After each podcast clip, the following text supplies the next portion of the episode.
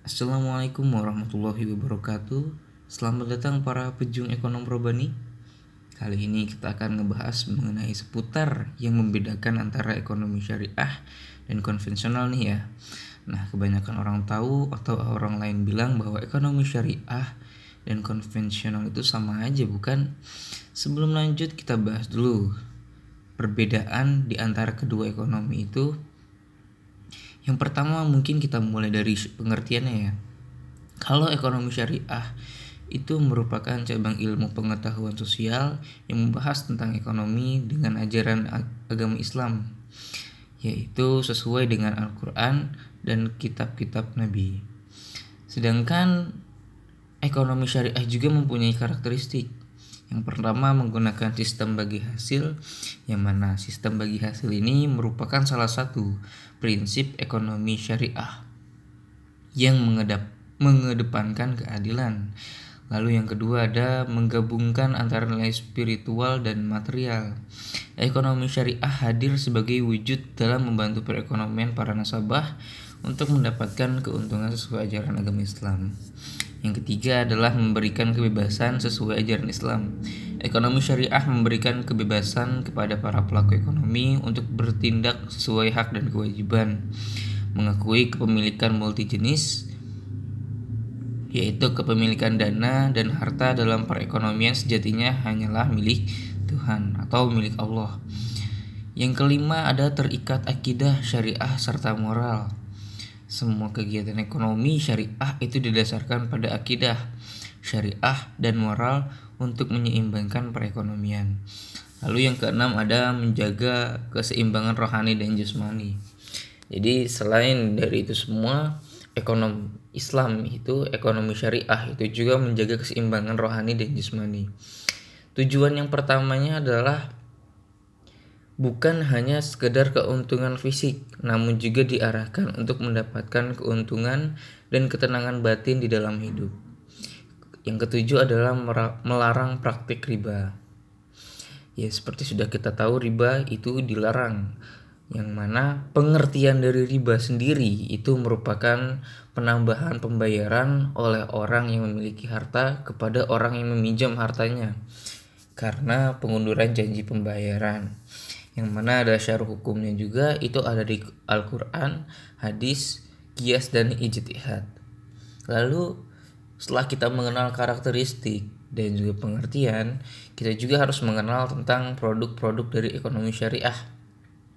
Yang pertama itu ada tabungan syariah. Tabungan ini adalah simpanan yang penarikannya melalui beberapa ketentuan yang sudah dijelaskan oleh pihak bank pada nasabah sesuai kontrak ya. Lalu yang kedua ada deposito syariah. Deposito banyak dipilih oleh masyarakat untuk berinvestasi selain mudah. Yang ketiga gadai syariah atau rahan. Akad gadai syariah dipraktikkan pada PT.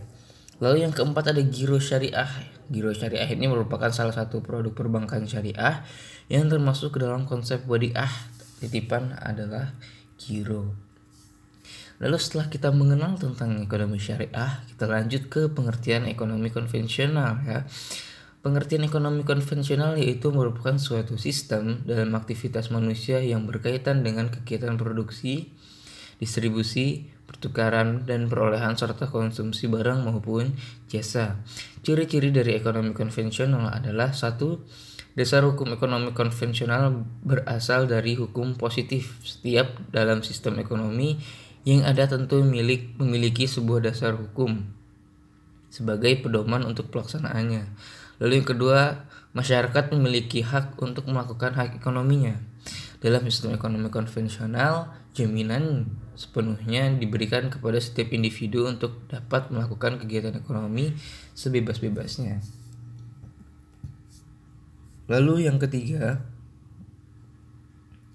Kegiatan konsumsi, produksi, dan distribusi didasarkan atas motif mencari keuntungan. Jika tadi kita bahas dalam ekonomi syariah, di situ kita menggunakan sistem keadilan. Jika di sini kita menggunakan sistem mencari untung untuk kesendirian. Lalu yang keempat adanya persaingan bebas dalam pasar. Dalam sistem ini bisa menyebabkan adanya persaingan bebas pada setiap elemen dan para pelaku ekonomi yang akhirnya di belakangnya pada ceng-cengan. Lalu ada lagi adanya persaingan bebas dalam pasar. Dalam sistem ini bisa menyebabkan adanya persaingan bebas pada setiap elemen dan para pelaku ekonomi. Lalu kalau kita kenal lagi prinsip bank konvensional, yang pertama itu bunga sudah ditentukan besarnya terlebih dahulu oleh bank tanpa memperhitungkan apakah bank sedang mendapatkan keuntungan atau tidak. Jadi sudah mutlak untuk seluruh kan nasabahnya pasti mendapatkan bunga yang rata. Yang kedua, besarnya bunga adalah tetap baik bank sedang rugi atau laba walaupun ekonomi sedang baik dan buruk.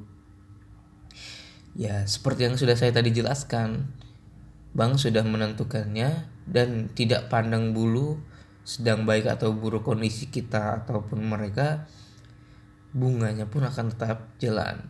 Lalu kalau kita lihat lagi, ada produk bank konvensional. Yang pertama ada simpanan giro, simpanan tabungan, kredit modal kerja, kredit konsumtif. Sumber hukum ekonomi konvensional itu ternyata bukan berasal dari Quran hadis, akan tetapi pertama bersumber dari pemikiran manusia-manusia. Lalu yang kedua ada dari UUD, yang ketiga berpandangan dunia sekuler. Nah, sekarang kawan-kawan skate sudah tahu kan bedanya di antara ekonomi syariah dan konvensional yang jelas-jelasnya bahwasannya ekonomi syariah itu emang paling the best paling the best nggak ada lawan dan paling umum. Dan juga pada perputaran uangnya juga jadi kita sering hijrah.